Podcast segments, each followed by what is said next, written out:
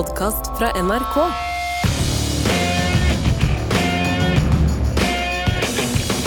Og en ting til. Hval! Hvalkjøtt! Det er mat. Vet Lindberg hva jeg har i denne pakken her? Hold kjeft! Dette har ikke du noe greie på! Ned nå! Ja, det er eh, få ting som eh, har vekket så mye følelser som hvalfangst. Eh, nå for tiden ekvivalentene, Kanskje menn i dameidretter, f.eks.? Eller strømpriser? Eller strømpolitikk, energipolitikk. Det vi hørte var altså legenden, eh, den kranglevorende taxisjåføren Hans Bauge, som da var en slags eh, fast kverulant i programmet Klart svar med Per Ståle Lønning og Tor Erling Staff tidlig på 90-tallet. Og det er hval det skal handle om i dag, nærmere bestemt norsk hvalfangst. For det er en ganske sånn glemt del av norsk historie at eh, vi nordmenn på 1800- og 1900-tallet nesten utryddet disse store pattedyrene. Det skyldes en enorm hvalfangstindustri drevet av norske rederier som tjente fett på hvalfangst. Lite er også skrevet om mennene som faktisk eh, sto for denne jobbinga, de som drev, altså hvalfangerne selv. De levde veldig harde liv på båtene, og ble også ofte traumatisert av det de gjorde og det de så. Og det har vel nesten ikke blitt snakka om før. For å fortelle oss om dette her, så har vi dagens gjest. Velkommen hit, eh, forfatter og professor i medievitenskap ved Universitetet i Oslo, Espen Ytreberg. Takk skal du ha. Du har en rykende fersk bok ute om hvalfangsten, om denne blodige historien. Den heter intet mindre enn Utryddelsen, og forteller historien om den norske industrielle hvalfangsten sett fra arbeidernes perspektiv.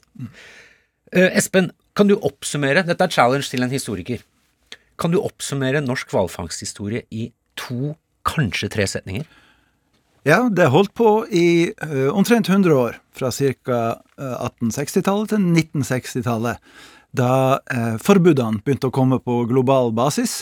Og da var utryddelsen, som jeg skriver bok om, kommet så langt at det var bare noen få tusen hvaler igjen. Uh, man hadde tatt livet av noe i retning av tre millioner hvaler over hele kloden. Eh, I en fangst som for det meste var et rovfiske. Det var aldri ansvarlig i betydningen balansert. Nei, og hvorfor skulle man fange hvaler? Olje. Eh, det vil si, eh, fra veldig gammelt av, fra mange hundre år eh, tilbake, så har jo eh, folk overalt alltid benytta seg av hval i den grad de klarte å få tak i dem. Og da var det jo mye kjøtt, ikke sant, men olje var også alltid et viktig produkt. Hvaler er full av olje. Det som skjer i den industrielle tida, det er jo at maskinene kommer inn i fangsten, du kan fange uh, veldig mange flere, uh, men i tillegg, du kan selge oljen. Den blir nå hovedproduktet og, og forsyner en masse av Vestens markeder. Ja, men hva slags olje til hva slags bruk? Eh, jo, altså, jeg og mange andre som er vokst opp i etterkrigstida, vi har eh, spist margarin som var eh, basert på hvalolje.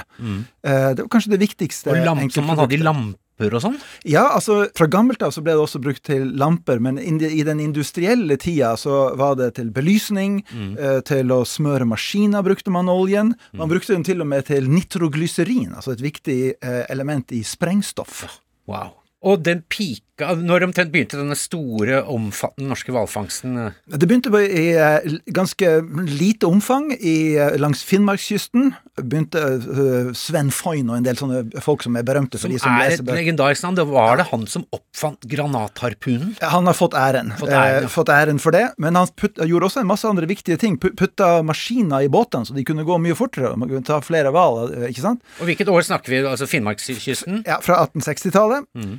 så foregår det der i et par, eh, eh, tiår.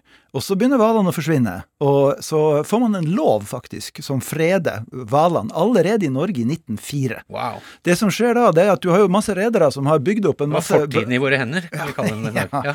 Ja. De, de, ikke sant? Men da har man en stor flåte og kapital som er investert.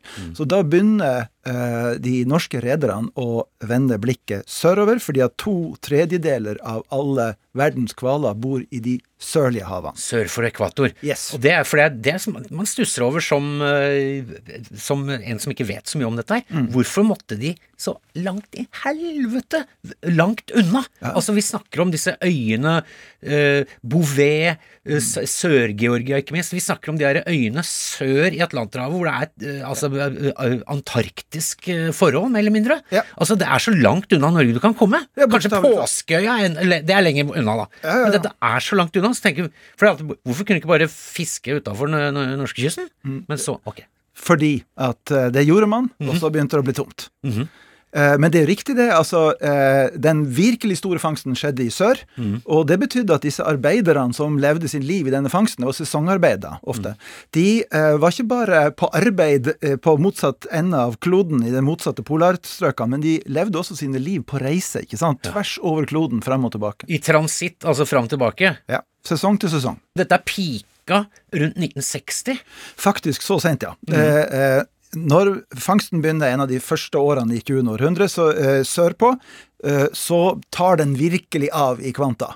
Og da går den jo også over fra å være en ganske norskdominert affære til å være en global fangst. Det, der Norge fremdeles er sentralt, men flere og flere land eh, melder seg på. Så blir det fanga flere og flere. Til så, eh, etter hvert får man sånne fabrikkskip som kan gjøre alt til havs. Eh, alle, alle stadier av prosesseringen, og eh, flere og flere hvaler fanges. Og så utover 50-tallet og opp mot 1960 så kommer peak fangst. Eh, da blir det tatt opp mot 75 000 hval hvert år. Og etter det går det bratt nedover. Hvorfor går det bratt nedover da? Det er rett og slett i ferd med å bli tomt for hval. Og dessuten på akkurat det tidspunktet hvor man ut ifra en bærekraftssynspunkt burde ha skalert ned, så skjedde det omvendte. Eh, Det skjedde det man gjerne kaller 'race to the bottom'. Eh, Rederne og de som bestemte, de tenkte at nå, nå, det, nå må vi bare karre til oss det siste mens vi har sjansen her. Bare kjøre det i dass Ja. med flagget til topps? Ja. Eh, beskriv en typisk norsk hvalfangstskute. Hvor store var de? Hvor mange folk var om bord? Altså, De skutene som eh, tok eh, var ikke nødvendigvis så veldig store. Eh, du kan se dem på eh, eh, sånne maritime museer og sånn. De er ikke noe spesielt større enn en uh, litt sånn rommelig sjark som man kan eh, treffe på utenfor uh, kysten. Eh, de tok hvalene med hjelp av kanoner som var i front, med eksploderende harpuner. Så, når de, så for de rundt og samla dem opp. Og så leverte de dem inn, enten til en landstasjon, som er en svær fabrikk på land, på en av disse knausøyene nede ved Antarktis, gjerne, eller til et fabrikkskip.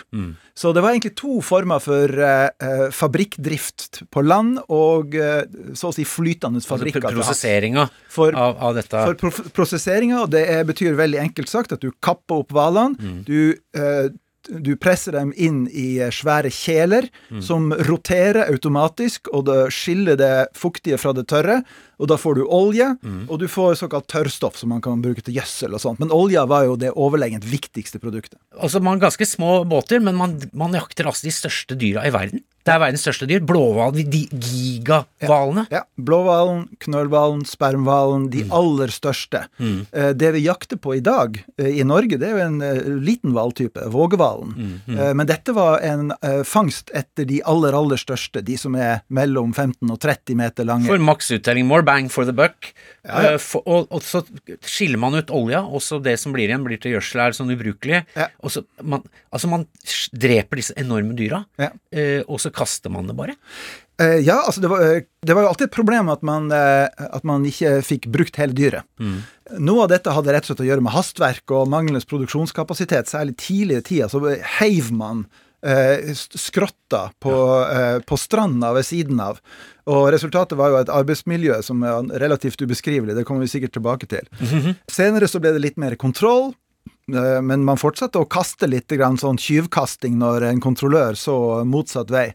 Men grunnleggende så er jo dette her en industri der eh, du er dømt til å ha enormt mye eh, avfall. Fordi at når du åpner en hval Du er nødt til å, du er nødt til å, å eh, partere en hval så å si der den ligger. Du drar den opp på land selvfølgelig, eller på dekk, men så må du jo åpne den opp. Og der er det noen episke bilder i bo... Altså, du, folk står inn... Du, folk er inne i hvalen og jobber. Ja. Eh, de, de, de kappa dem jo opp med kniver. Eh, lang, svære, lange kniver på, På sånne skaft. lange skaft, ja. Ja, og de, eh, eh, Flerrer opp. de må jo eh, halvveis inn i dyret og jobbe og stå på. Eh, og eh, mens dette skjer, så lekker jo enormt masse materie og væske ut av disse enorme dyrene. ikke Ja. sant? Og, dette er så, så, Lukta er, noe, er et sånt tema som går igjen her. Ja. Hva er, hva er det de lukter for noe? Hva er det lukter? Eh, det har jeg brukt ganske mange ord på å prøve å beskrive. Eh, Hvalfangerne som jeg gjengir, de var veldig opptatt av det. Um, det var eh, en som beskrev det som eh, en hel slakteributikk som bare hadde blitt stående i 14 dager hvis man skulle gå inn der. Eh, en, annen, eh, en annen sa at eh, det rett og slett var den mest ubeskrivelige lukta han i sitt liv til da hadde møtt på, da han kom eh, i land på et av disse stedene eh, første gang.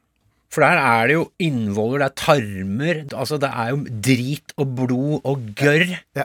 i enorme mengder. Ja, og det eh, hvaler begynner å forråtne veldig fort etter at de har dødd.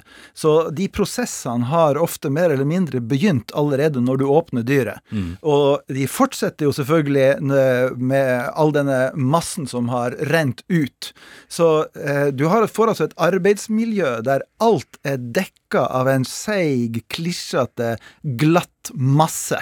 Og, eh, og lufta er jo stinna, det er partikler, ikke sant? Det legger seg på alle overflatene, det legger seg på huden, Ja. det trenger inn i kroppsåpningene, ikke sant? Det er et, et liv i hvalmaterie. Det er et liv i hvaldyrets buk. Faktisk. eh, Det eh, Jeg har kalt det hvalens eh, hevn, ikke sant. I Bibelen så er jo hvalen overmektig og sluker Jonas. Eh, også i den industrielle tida så skulle man jo tro at menneskene hadde fullstendig begynt å Er dominere dyret. som gjør? Men, men dyret eh, i en viss forstand tar jo hevn i, i døden ved igjen å kapsle hvalfangeren inn i restene av seg sjøl. Den får det siste ordet. Mm. De båtene her er jo ganske de, Båtene her må jo være, være mindre enn hvalene. Ja, altså disse fangstskutene, de var mindre enn hvalene.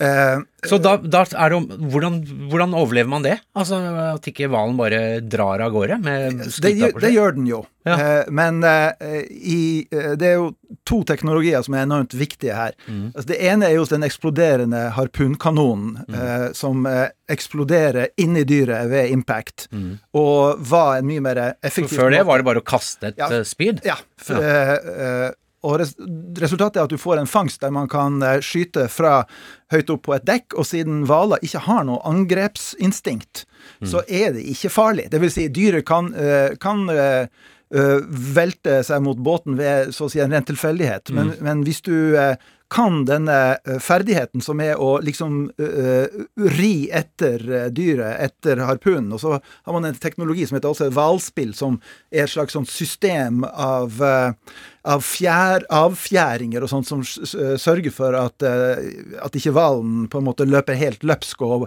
får, får eh, skuta ut av balanse. Men det blir et sånt ritt, det blir et sånn helvetesritt. Avhengig av hvor godt du treffer. Hvis, du, hvis man var dyktig og heldig og fikk inn en fulltreffer, så kunne det hende at eh, hvalen døde med en gang. Men det var vanskelig, ikke sant. Det var et, et, et krevende håndverk, dette her. Dårlig vær, dårlig sikt. Så det var ikke så sjeldent at eh, det pågikk i eh, halvtime, time, flere timer og krevde flere harpuner før du fikk has på dyret, da.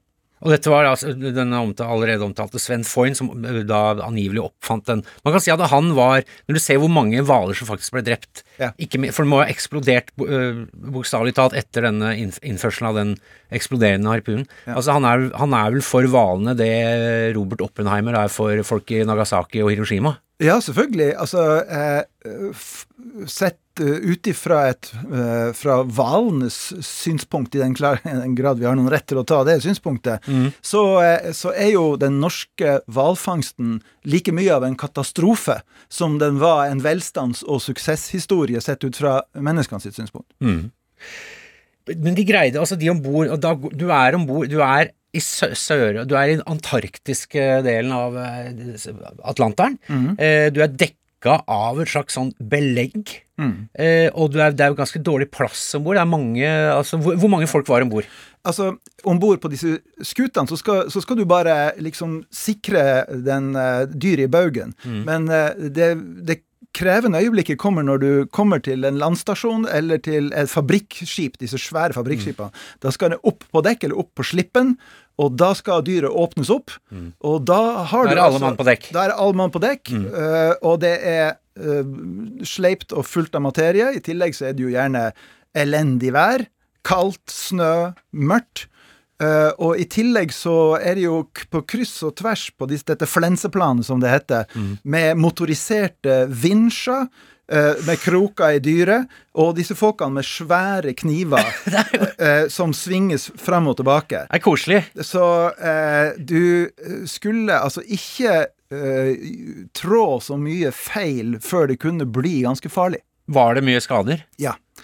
Det var mye skader. Det er litt vanskelig å vite eh, liksom hvor farlig dette var i forhold til annen type industriarbeid, men etter de fleste mål eh, så var det litt sånn gruvearbeid, ikke sant? Altså rett og slett en tradisjon for å være et knallhardt og farlig eh, arbeid. Eh, Det var ikke skrubbsår du fikk når du først, når du først gikk galt? det var mye som, folk som kappa av seg ting, og det er klart hvis du ble klemt mellom en hval og en vegg, så var du jo fort ferdig. Så kunne du falle i havet, og det holder jo to grader, sant, så der overlever du ikke lenge. Eh, I tillegg så er det mye beretninger om at folk uh, fikk uh, skikkelig trøbbel med den mentale helsa. Altså, folk fikk rett og det slett, turn- Det tørna for dem, som folk- det står hos hvalfangerne. Altså, folk fikk PTSD? Ja, altså de fikk jo ikke diagnoser, da. Men eh, man sa liksom sånn at eh, han var blitt koko, og det var tørna for han, og plutselig så havna han i eh, havet, og folk skjønner at han hadde gjort det med vilje, fordi at han var ikke god i hodet lenger. Folk tok selvmord? Ja. Hvorfor det? Altså, hva var det som var Hva var det som ødela Hva var det som var liksom det som ødela mentalt? Eh, Det ene er jo at eh, det, eh, du er borte fra dine kjære veldig lenge, og du er kasta ut i et liv på den andre siden av kloden. Og noen er mer robuste enn andre, sant? Mm. Noen blir veldig redde, noen blir veldig ensomme. Samtidig så er jo dette her et veldig tett mannsmiljø. eh, med en røff tone, mye varme, mye eh, verdifullt kameratskap. Men også med røff tone, ikke sant? Folk kunne være harde mot hverandre. Når folk skal, eh, må jobbe veldig på kommando, så eh, i denne typen miljøer, så blir det jo fort gjort at du kan få mye kjeft når folk ikke er fornøyd med deg. Og Ja, det fordi at det, svakeste leddet vil være såpass Det er såpass sårbart, hele, hele greia her, at du Ja. kan ikke ha så mange svake ledd. Ja. Jeg bygger mye på selvbiografiske beretninger som vanlige hvalfangere har eh, skrevet etter at, eh, årene på fangst. Og der kan du jo ofte lese ikke sant, om at det var Ja, men det er klart det var et hardt liv, og det var ikke alle som takla dette livet veldig bra. Og så kommer det en anekdote om noen eh, som, eh, som det gikk skeivt med. Mm, som bare kaster seg på sjøen. Blant annet. Du nevner eh, sosiologen Erving Goffman. Han hadde noen teorier om hvordan mennesker, eh, mennesker i sånne små, lukkede samfunn som disse båtene er, han kaller det den totale Mm, Totale institusjon, ja. Ja, for, fortell litt om det. Ja, det, altså, totale institusjoner det har vi på mange øh, felter i samfunnet, der vi har arrangert oss sånn at folk må bli like, og folk må adlyde. Eh, eh, og de totale institusjonene de er sånn at de styrer hele livene våre. Eh, En sånn mekanisering av mennesker. ja, og det er også en eh, avindividualisering på fint, da. Det skal Eh, bli folk- tannhjul, eller må- bli du må- tagger på et tannhjul. ja, du må, øh, du må øh, være kledd likt, du må gjøre de samme tingene, du må si de samme tingene. Og det er de samme folkene som bestemmer over deg fra morgen til kveld. Sånn er det i en del fengsler, særlig mentale institusjoner. Sånn er det i det militære, og sånn er, var det på hvalfangsten. Og hva gjør det med et menneske å bli eh, en del av denne totale institusjonen? det, det, det, det preger dem på alle mulige måter. Det mest eh, eh, slående med å lese disse beretningene som de skrev etterpå, det var at de som skrev dette her, de, de var helt sånn innforstått med at det var dette som var den store på mange måter den store formende opplevelsen i livet. Mm. Eh, ikke sant? Livet var før og, etter, eh, før og under og etter fangst. Ja. Det var sånn de ordna og fikk mening ut av livet sitt når de hadde vært der. Mm. Eh, de tetteste vennskapene eh, fikk de der. Mm. De tøffeste og mest dramatiske opplevelsene i livet hadde de der, ikke sant. Mm. Alt det som var sterkest og som prega mest, det hadde de ofte derfra. Så pregingen var altså, Man ble så, preget at dette var noe de hadde med seg resten av livet som, som det store kritiske vendepunktet i livet. Da. Ja, og det er jo da, det er jo da tankevekkende, ikke sant, at eh, etter krigen, når eh, det snart ikke er mer hval igjen, og så kommer miljøbevegelsen, og så får jo hele denne fangsten et enormt imageproblem. Den går over til, fra å være en stolthet til å være noe, en pinlighet. Og dermed så blir disse hvalfangerne sine erfaringer, de blir stengt av. Ikke sant? Det fins ikke det, den plassen i det norske samfunnet. Veldig parallelt med kriger som eh, da blir upopulære, altså Ja. Vietnamkrigen eksempel. Eller, Ja, jeg har sammenligna hvalfangerne sin skjebne med det å være eh, soldater som kommer hjem fra en tapende krig, og folk, eh, som i Vietnamkrigen, folk har ikke lyst til å høre om det. sant? Nei.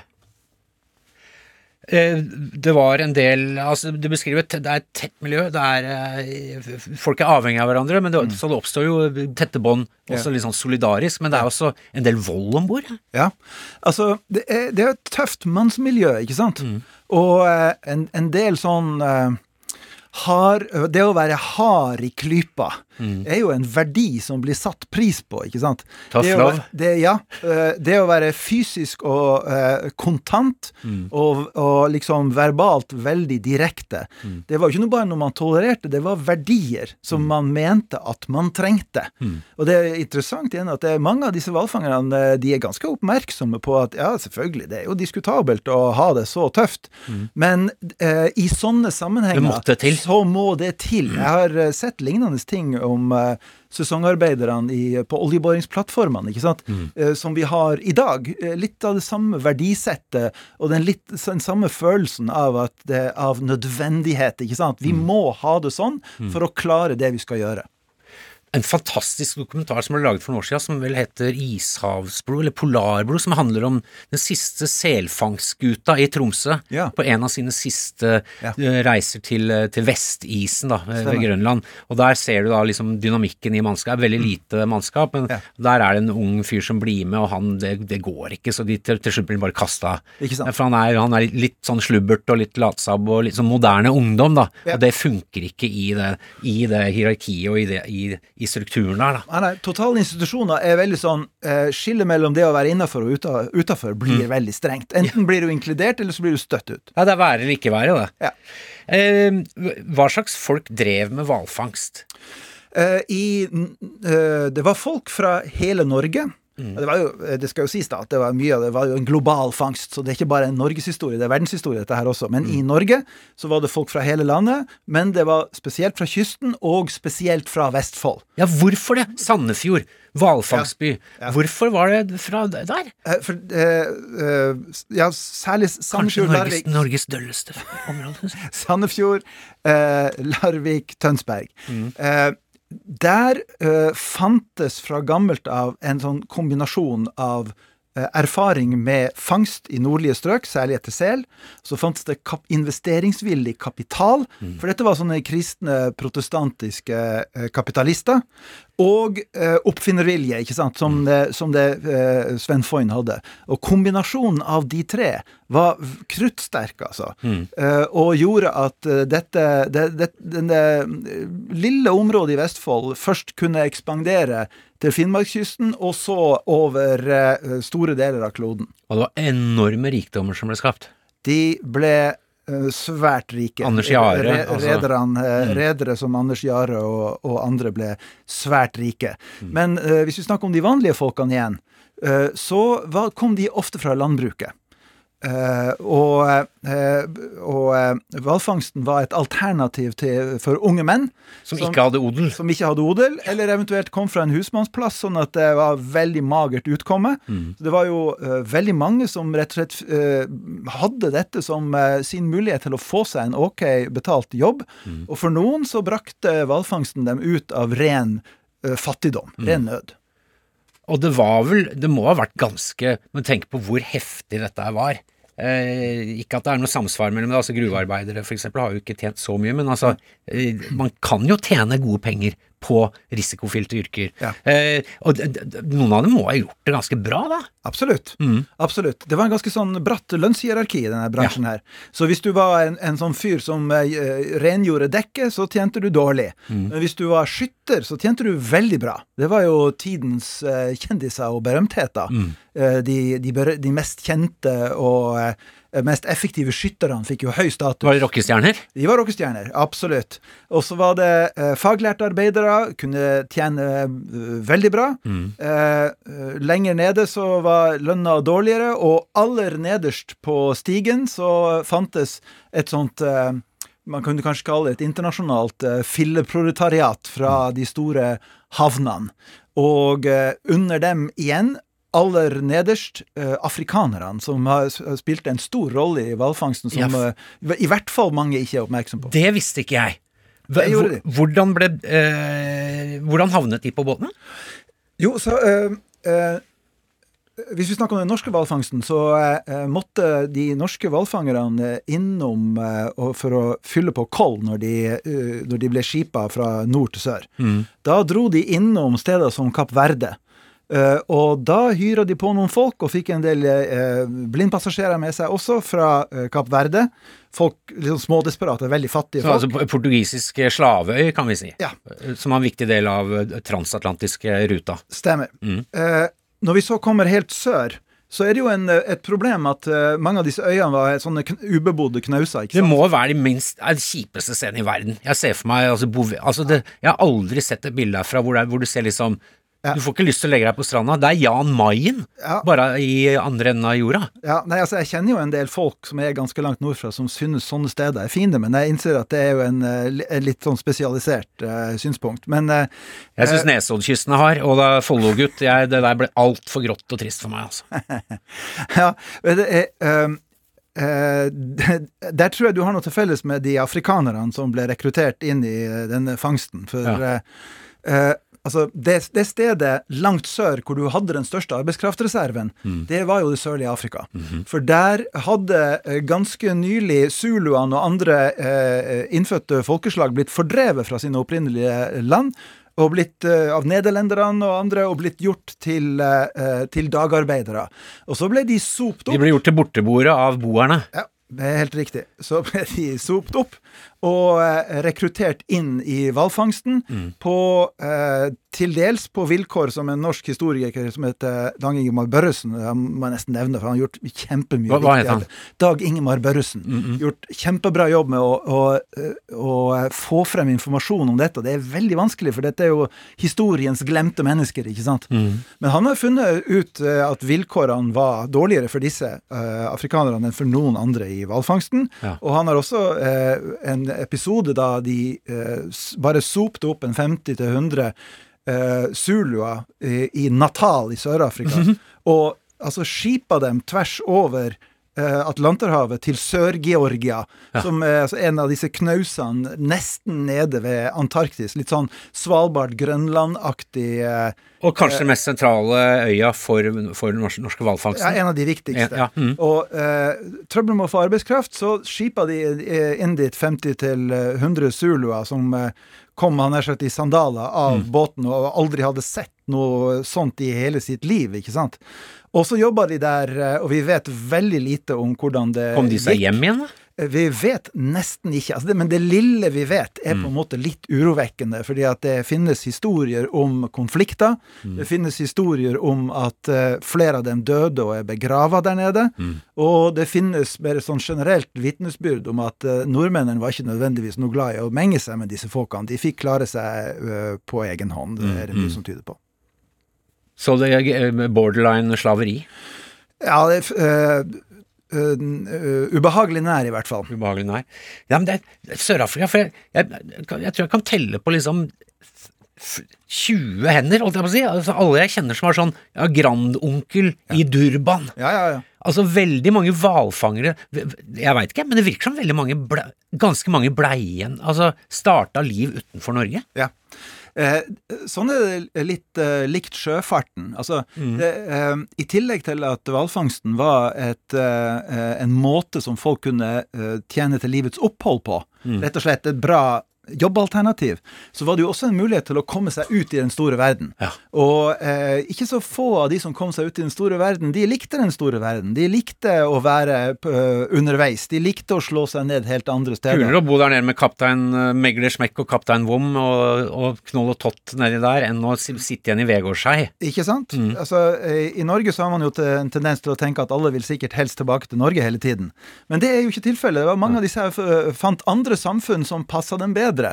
Og eh, det er, finnes jo også eksempler på at når folk bytter identitet for å, for å kunne rett og slett forsvinne og ikke la seg uh, spore opp. Slippe, slippe mas fra, fra, familien? Slippe hele bakgrunnen og bli en ny mann vet, på et nytt sted. Det er jo min teori om utvandringen i forbindelse med, med, viking, altså det å dra i viking. At de, mm. de, de smarteste gutta igjen, ja. de blei igjen nede i Bordeaux og i Irland og sånn. Mm. Mens da det, etter, det, det, han som vi er etterkommere av her i Norge, det var han med klumpfot som ikke fikk være med på båten. Ja, stemmer det. Den uh, Jeg har sagt til en black metal-kompis som er ganske langt ute på høyresida, han syns ikke det var noen kul teori i det hele tatt. Ikke sant. Nei. Uh, nei, men hvis han ikke likte den, så kanskje jeg liker den.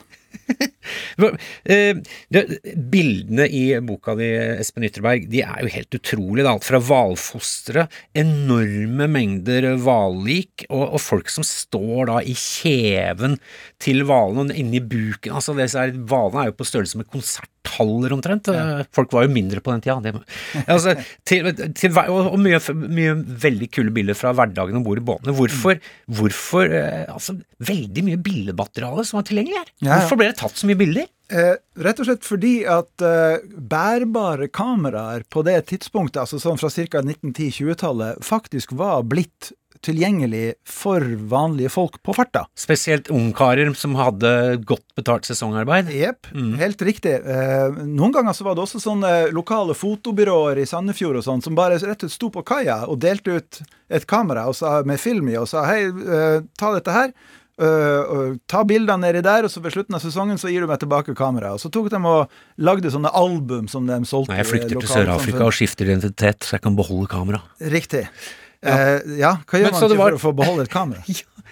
uh, ja, så, så, så, for det er veldig mye materiale. Det er jo veldig, veldig ja, ja. takknemlig tema for å skrive historiebok om. Ja, altså En ting er at disse teknologiene faktisk er tilgjengelige for noenlunde vanlige folk. En annen mm. ting er jo at uh, dette er på en måte litt sånn som soldatlivet. Ikke sant? Vi vet jo at uh, etter andre verdenskrig så er det ikke måte på hvor mange som har skrevet ned og utgitt beretninger om uh, sin andel i andre verdenskrig. Mm. Og jeg tror det er litt mye av det, mye av det samme her, at det er noe med hvalfangerlivet som gir et uh, voldsomt trøkk etter å fortelle hva det er du har vært uh, med på, i ord og bilde etterpå. Ja. For det er så fantastisk, det er så e episk, rett og slett. Det er så filmatisk. Ja, altså At det har blitt jo uh, laga x filmer om andre verdenskrig i Norge, men, men nesten ingenting om dette, det er jo en merkelighet, syns jeg. Det kommer. Nå, norsk film, dere må Satse på det. Du, um, en ting er om bord på disse båtene, men i land på disse øyene, mm. der var det jo samfunn. Det, var også, Beskriv en sånn liten hvalfangststasjon. Altså, hvem var det som bodde der? Bodde jo damer der? Eh, nesten ingen. Eh, det hendte at eh, en skytter og en formann og en bestyrer kunne få lov å ha med seg eh, kona si. Mm. Men de måtte jo stort sett være hjemme. Altså de, du kunne se dem kanskje i kirka på søndag og sånn, men de hadde jo bokstavelig talt ingen rolle å spille. Mm. Så de var stort sett begrensa til huset, og resten er et rent mannssamfunn. Mm. Med veldig store sosiale skiller. Mm. Folk spiser separat. Folk lever uh, separat etter hva slags klasse de tilhører. Mm. Uh, arbeiderne bodde i brakker på fire og seks og åtte og tolv. Mens uh, C.A. Larsen, bestyreren i Grytviken, hadde sånn barglobus og undulat. og blonde gardiner. Det er status. Og kulepenn. Eh, altså sånne, sånne avsidesliggende, så veldig mannlige samfunn altså får meg til å tenke på San Francisco. altså Grunnen til at det ble homseby, var jo fordi etter gullrushet i 1849, det var jo rett og slett nesten ikke kvinner der. Ja. Så det å liksom ha barer hvor menn kunne danse med hverandre, og, mm. og så var det en som kom inn og hadde på seg kjole og litt leppestift, og ja. hele den queer-kulturen som jo kom ut av det, skyldtes jo rett og slett altså det var jo arbeidermiljøer uten kvinner. Var, vet de om det var noe, var det noe Skjedde det noe gay, gay shit nede, på, nede i Grytviken? Jeg vet ikke. Altså, eh, det er jo et sånt problem for historikere med gay shit, eh, er at den eh, har en tendens Det ble ikke tatt så mye bilder av? Det ble, har en tendens til ikke bli tatt så mye bilder av. Det vi har bilder av, det er jo menn som danser med hverandre på dekk.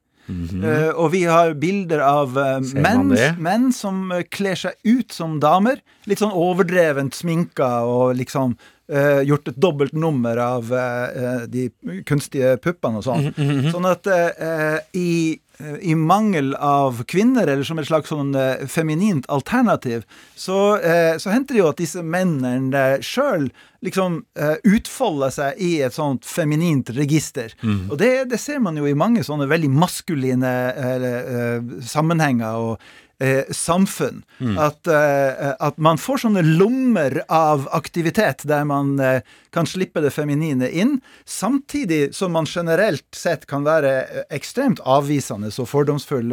Som en hvalfanger sa ble spurt om det var noe homofili, og da sa han aldri hørt om det, og hvis, eh, hvis, noen eh, hadde vært det, så er jeg nok redd for at vi hadde kasta han over, over, bord. Men likevel så kan man altså ta seg en polka med hverandre mm. ved festlige anledninger. Mm.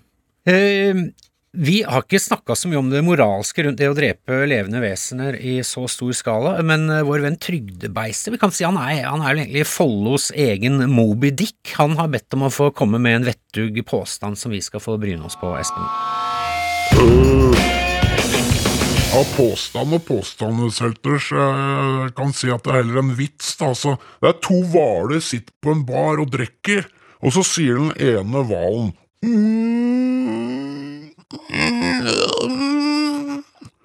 og så sier den andre hva han ser på og bare sier fy faen, du er drita full. jo, jeg har én påstand til deg, Seltzer, hvis du på liv og død må han, og det er at rent hypotetisk så kan du dra til helvete. Ja, dra til helvete. Eh, apropos det, hva tenkte de som drev med hvalfangst om det etiske rundt det? Var, vi snakka tidligere om at de ble traumatisert. Var det, er det litt traumatisk å skulle drive og drepe og flense disse store, vakre dyra, eller er det bare min liksom eh, soyboy-sensitivitet 21. århundre? Altså, vi må jo tenke på at mange av disse her som nevnt kom fra landbruket, mm. ikke sant? og hadde et nokså hverdagslig forhold til det å avlive dyr. Mm. Jeg tror nok at det var det vanligste. Og det er veldig variabelt hvor mye hvalfangere, når de skriver om livet sitt, tar opp det vanskelige ting. Mm. Men noen hadde klare problemer med at uh, de syntes det var fælt at uh, dyrene lei så lenge. Uh, fra de ble harpunert og til de døde. Hvor lang tid tok det? Altså, det kunne jo ta opptil flere timer, ikke sant. Mm. Og, og, det er blodete vann, og det, det, den svære hvalen kaster på seg, og av og til så er det en så, så er det andre hvaler som følger med, ikke sant. Uff, eh, dette er jo menneske versus natur på sitt aller hardeste. Ikke sant. Hvis, mm. eh, en av dem eh, hvalfangerne sa at hvis hvalen kunne skrike, ville dette blitt et helvete for oss. Ja.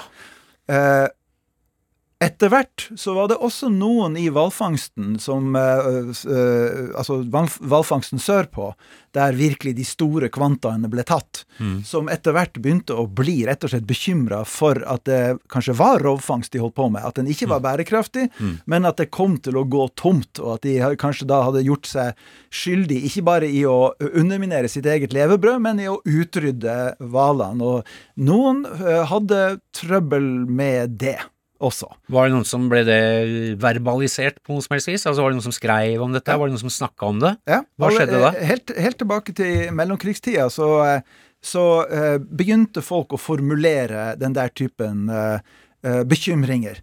Men det var ikke mange. Derimot så kan man se at eh, de hvalfangerne som har skrevet eh, ned beretningene sine ganske nylig, nå, nå når miljøbevegelsen har tatt over og dyrevern er, helt eh, vanlig på en måte å, å ha som en verdi, så kan man også merke at disse beretningene blir mer kritiske, og de blir mer nærmest unnskyldende. ikke sant? At, de blir, at hvalfangerne skriver at ja, men vi visste jo ikke da Ja. at det skulle være så ille. Vi visste jo ikke da at det skulle gå sånn over styr. Eh, Det er jo, du skriver at industri, Apropos det, du skriver at industrien rundt olje, og, altså oljeindustrien og hvalfangstindustrien, det den en gang var, har mye til felles. Er dette et av de tingene, tinga, altså avviklingen?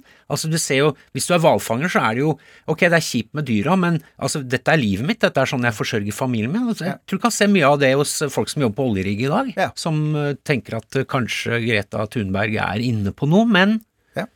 Altså, eh, eh, denne hvaloljefangsten har jo blitt kalt for Norges første oljealder. Ja. Eh, mens det vi nå er inne i, er mineraloljealderen, som altså da er vår andre oljealder. Eh, og det er mye som tyder på at det kan være en ganske interessant måte å se saken på. Eh, for det første så får du eh, tak i noen likheter mellom de to.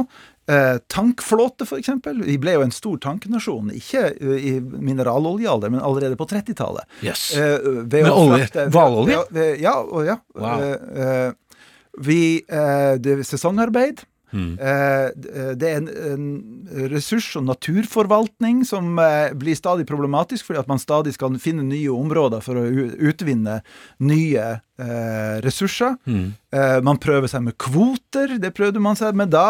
eh, Da gikk det ikke, så nå prøver vi oss med CO2-kvoter nå, så får vi se hvordan det går. Eh, sånn at både, eh, både på en måte den der velstands- og arbeidsplasssida, eh, den var eh, veldig viktig i første oljealder, og enda viktigere i andre oljealder. Mm sant? Og så er det nattsidene, forurensningen og utryddelsen. Det, eh, den første oljealderen klarte jo nesten å utrydde mange hvalarter, ja. men eh, de ble ikke helt utrydda. Den, derimot så har den forurensningen som oljeindustrien og uh, andre industrier slipper ut, den har nå drept uh, den kinesiske elvedelfinen.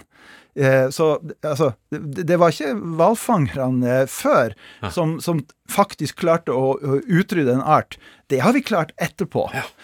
sånn at det er absolutt interessant å snakke om norsk hvalfangst før og norsk hvalfangst i dag. Men hvis vi i det- isteden tenker på de to oljealdrene, så får vi tak i noen paralleller som virkelig gjelder grunnplankene i hvordan vi lever i dag. For vi har jo våre egne problemer med, eh, med forurensning eh, fra oljeindustrien vår, ikke bare rundt anleggene, men en, en, en natur og en verden som er full av mikroplast, ikke sant? Som nå tetter igjen magene til øh, hvaler i Atlanterhavet, og som var, bidro da til å gjøre miljøet så ulevelig for den kinesiske elvedelfinen at den ble ut, utrydda i vår tid. i vår tid. ja. uh, og uh, vi lever nå i det som gjerne kalles den sjette utryddelsen, hvor en helt ufattelig stor andel av naturens arter kan bli utrydda som del av den eh, forurensningen og den miljøødeleggelsen som vi driver på med nå. Og de tidligere utryddelsene, det er også folk, altså Mennesket har jo hatt en hang til å rett og slett utrydde dyr der de, hvor enn de har på en måte bosatt seg, Ja, ja. eller hvor enn de har vært. Ja, eh, vi har jo alltid gjort det, og vi har alltid hatt det i oss. Eh, det, som, eh, det som gjorde på mange måter den store forskjellen, det var jo industrialiseringen, altså at maskinene kom inn og, og gjorde og, og forsterka vår, vårt eh, behov for kjøtt og vårt drapsinstinkt med så mange ganger, ikke sant. Eh, og den gjør jo også at vi kan bli miljøødeleggere på en helt annen uh, skala. I, uh, man sier jo gjerne, vitenskapsmenn sier at vi har gjennomgått seks utryddelser i klodens historie, i jordas historie. Og de foregående, det var jo ikke sant, temperatursenkninger, vulkanutbrudd, mens den siste utryddelsen, den er forårsaka av oss. Nå er det vi som er vulkanen. Det, Ja. det er vi som er eh, istida. Ja. Uh, og det skjer nå, på en måte. Og litt av grunnen til at jeg syns at dette her er, er viktig å få fram, det er at det henger sammen med en, en, eh, det, det at eh, vi skal ikke tro at vi har noe mindre griseri og blod på hendene, vi som lever i dag, enn disse hvalfangerne som eh, det står om i boka mi. Men vi har fått fjerna det vekk fra synsfeltet og fra Ja, borte av syne, ut av syne, ut av sinn, og eh, eh, så er det fort gjort å tenke at det, ja, men dette var fortid, ikke sant? Det, da var vi uansvarlige, mens nå har vi blitt en miljønasjon, nå har vi blitt ansvarlige. Og den der eh, viljen til å, eh, til å lage en fremskrittshistorie av selv de verste miljøforbrytelser, den vil jeg gjerne eh, tale imot. Eh, f- folk eh, som levde før, var ikke noe dummere enn vi er nå, og vi er ikke dessverre no, blitt noe klokere enn dem. Og ikke noe mer moralske. Nei. Disse hvalfangerne, hvor blei det av dem? Eh, da fangsten opphørte eh, i løpet av 60-tallet, så gikk noen eh, inn i mineraloljeindustrien, noen gikk tilbake til jordbruket. Eh, ganske mange rett og slett ble eh, slukt opp i velstandsøkningen og de nye jobbene som fantes etter krigen. Det var oppbygning, det var liten arbeidsledighet. De ble slukt inn i, i velferds- og byggeprosjektet til nasjonen. Sett i kontekst av hvor omfattende hvalfangsten var, og hvor mye den betydde for eh, økonomien i Norge eh, og for mennesker, så ble den ble liksom aldri en sentral del av fortellingen om Norge. Nei. Stemmer det? Jeg tror det stemmer. Hvis du er spesielt interessert, så finnes det bøker hvor det står om det. Jeg tror at uh, den uh, erfaringen som den industrielle hvalfangsten uh, representerer, ikke står noe særlig godt til vårt selvbilde i dag av at vi er en ansvarlig miljønasjon. Eh, jeg tror at ganske mye av samfunnsvirksomheten vår er basert på en tro om at vi har vilje og evne til å drive en ansvarlig utnyttelse av naturressursene. Eh, mineraloljeindustrien styres jo av folk som sier dette, ikke sant? Ja, vi har hatt problemer, men vi er ansvarlige, og vi jobber med å få kontroll, og, eh, eh, og de positive sidene skal oppheve de negative her. Eh, Det samme sier man i mange andre sånne såkalte ekstraktive industrier, altså industrier der man bruker naturressurser. Eh, Man bruker det i laksenæringen, f.eks. Mm. Ja, men vi har noen problemer her, men vi er ansvarlige, vi har kontroll, det skal ordne seg. Eh, Og så har vi altså en historisk erfaring som gikk over 100 år, med folk som sa det samme. Ikke sant? Det, ja, det finnes noen eh, eh, problematiske sider her, men vi har kontroll, vi er ansvarlige. Og dessuten så må vi passe på at her er det store verdier, det er eh, masse arbeidsplasser her. Eh, vi, må, eh, vi, må, vi må ikke bare liksom eh, underminere eller legge ned vår store, fine næring eh, bare fordi at vi, vi er liksom engstelige eller vi har noen usikkerheter her. Det sa vi før når det gjaldt den industrielle hvalfangsten, og det gikk altså helt galt. Så jeg tenker at denne denne selvbevisste troen på at vi har evne og vilje til å kontrollere nattsidene, mm. og miljøulempene eh, jeg tror vi kunne ha stått oss på en større grad av ydmykhet. Mm. Ikke bare få noen flere innslag av grønnfarger i oljeselskap-logoen. Nei, ikke sant. Eh, sånn eh, grønn, grønn eh, Greenwashing. Grønnvasking eh, drev man jo med parallelle ting også i den eh. Var det det da? Hvordan da? Ja, altså man skulle, man skulle innføre noen litt sånn beskjedne kontrolltiltak. da, øh, ja, men Kanskje dere ikke får lov til å ha riktig så lang fangstsesong. Kanskje dere ikke får lov til å ta så og så små hval. Så man, man innførte tiltak, og så hadde man noen tiltak å vise for seg. Problemet var at de tiltakene var aldri strenge nok, de var aldri omfattende nok. De gikk aldri til kjernen av problemet. Det ble med festtaler og spill for galleriet og Ja. Så det er iallfall en historisk parallell til grønnvaskingfenomenet, da. Ikke sant. Eh, apropos sånn, det- det- oljeindustrien, som jo har en, en enorm makt i, i, i kraft av at de har så mye penger, eh, altså geopolitisk. Men eh, litt liten, para, liten parallell, kanskje. Mange av rederiene på den tida eide jo eh, hele produksjonskjeden. Altså dette var jo ganske altså Veldig, veldig eh, topp og pengestyrt, dette her. Ja, veldig. Og eh, Sandefjord er et interessant sted å uh, dra til. Mm. Du, uh, du Anders Jahre har jo virkelig satt sporet ja. der. Du, eh, en ting er at, eh, du, at du kanskje syns det er litt dølt, men det er jo veldig veldig velstående. De offentlige mm. bygningene er svære, de er mm. imponerende, og de er veldig ofte betalt av Anders Jahre. Mm. Så eh, et sted som Sandefjord så ser man jo veldig tydelig hvor velstanden ble av. Mm. Anders Jahre sitt hus kan man jo også gå inn i og besøke, og det, det gjør inntrykk, ja. Eh, og, og, det kom også politisk makt med denne rikdommen? Um, ja, altså uh, Dette var jo uh, et, et, sånt elitesjikt mm. uh, av næringsfolk som hadde kontakter med politikere, mm. og som jo samarbeida ofte med politikerne om å motvirke forslag til regulering og strengere kvoter. Og, det låter jo kjent. Ja. Så Norge hadde jo et veldig komplisert forhold til de internasjonale bestrebelsene på å begrense hvalfangsten. Mm. Flere ganger så meldte vi oss ut av den internasjonale hvalfangstkommisjonen i protest. Mm. Uh, sånn, at, uh, sånn, at, den motstanden var jo et produkt av et samarbeid mellom politikere og uh, redere og næringslivstopper som fant sammen, da. Mm -hmm. Merkelig nok. I... Merkelig nok. Vi mennesker fanger hval fremdeles, gjør vi ikke det?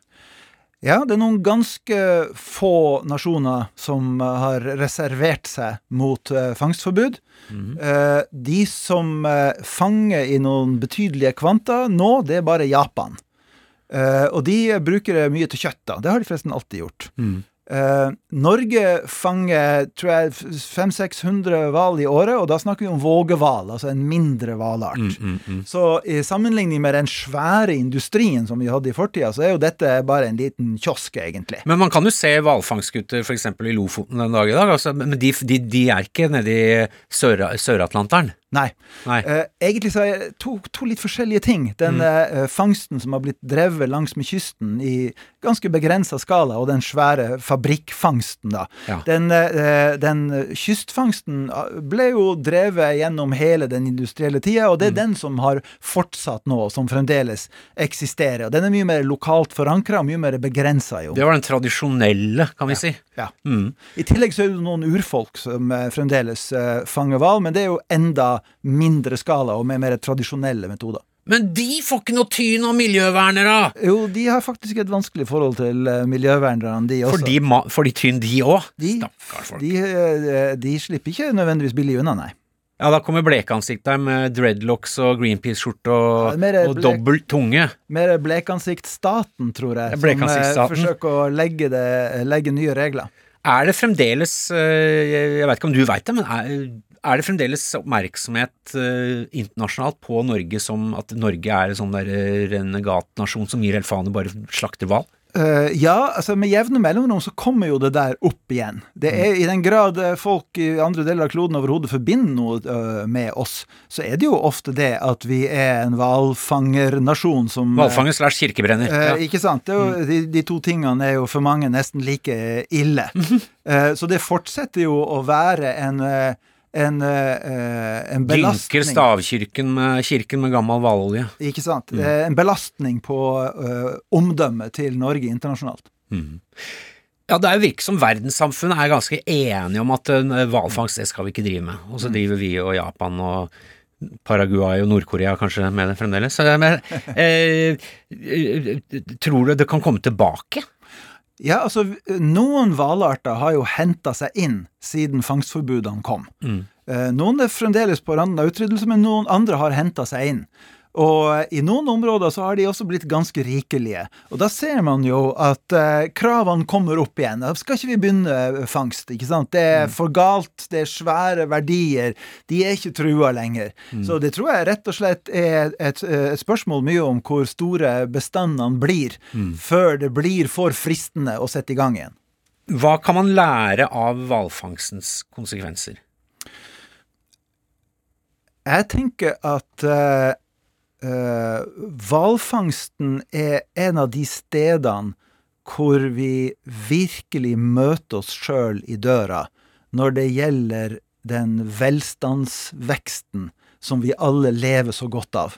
Og jeg lever like godt som noen andre av den velstandsveksten. Mm. Jeg står på ryggen av disse hvalfangerne, mm. og det gjør vi i en viss forstand alle sammen. De var en viktig næring. Eh, mm. Brakte mer inntekter til nasjonen visse perioder enn fiskeriene gjorde. Mm. Så vi står alle sammen vi, vi, står alle sammen på deres skuldre, mm. men vi står altså i et stadig økende dam av eh, forurensning og miljøelendighet. Mm. Og eh, den, den, den der ulykksalige sammenhengen mellom velstandsvekt og miljøødeleggelse, den, eh, den må vi få et bedre tak på. Og vi får ikke noe tak på den før vi har et mer aktivt forhold til historia. Hvor ellers mm. går vi for å finne ut av hva som har skjedd på denne fronten, og for å, for, for å, forstå det, og for å klare å ri det beistet der bedre mm. enn hva vi har gjort hittil. For der har vi vært før? Der har vi vært før, og der er vi nå. Espen Ytreberg, tusen takk for at du kom. Dette er veldig, veldig interessant. Eh, takk til dere som hørte på. Takk til eh, de som lager Trygdekontoret sammen med meg. Eh, Silje Martinsen Vettre og Marco Reinertsen. Og eh, ja, som Trygdebeits kanskje ville sagt Det vil si stay trygda på, på spermhvalspråket, da. Takk for meg.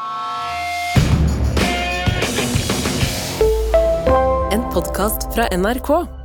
Jeg heter Trude Lorentzen, og det siste året har jeg forsøkt å komme til bunns i en underlig kriminalsak. Det er noe med øynene hans. Han ser veldig spesiell ut. Historien om 13 år gamle Adam som begynner på en ungdomsskole i Oslo. Det er helt surrealistisk å få tak på hva som egentlig skjedde. Gutten er ikke den han utgir seg for å være. Det er veldig tilrettelagt for å gjennomføre en type dekkeoperasjon. Hør Mysteriet Adam i appen NRK Radio.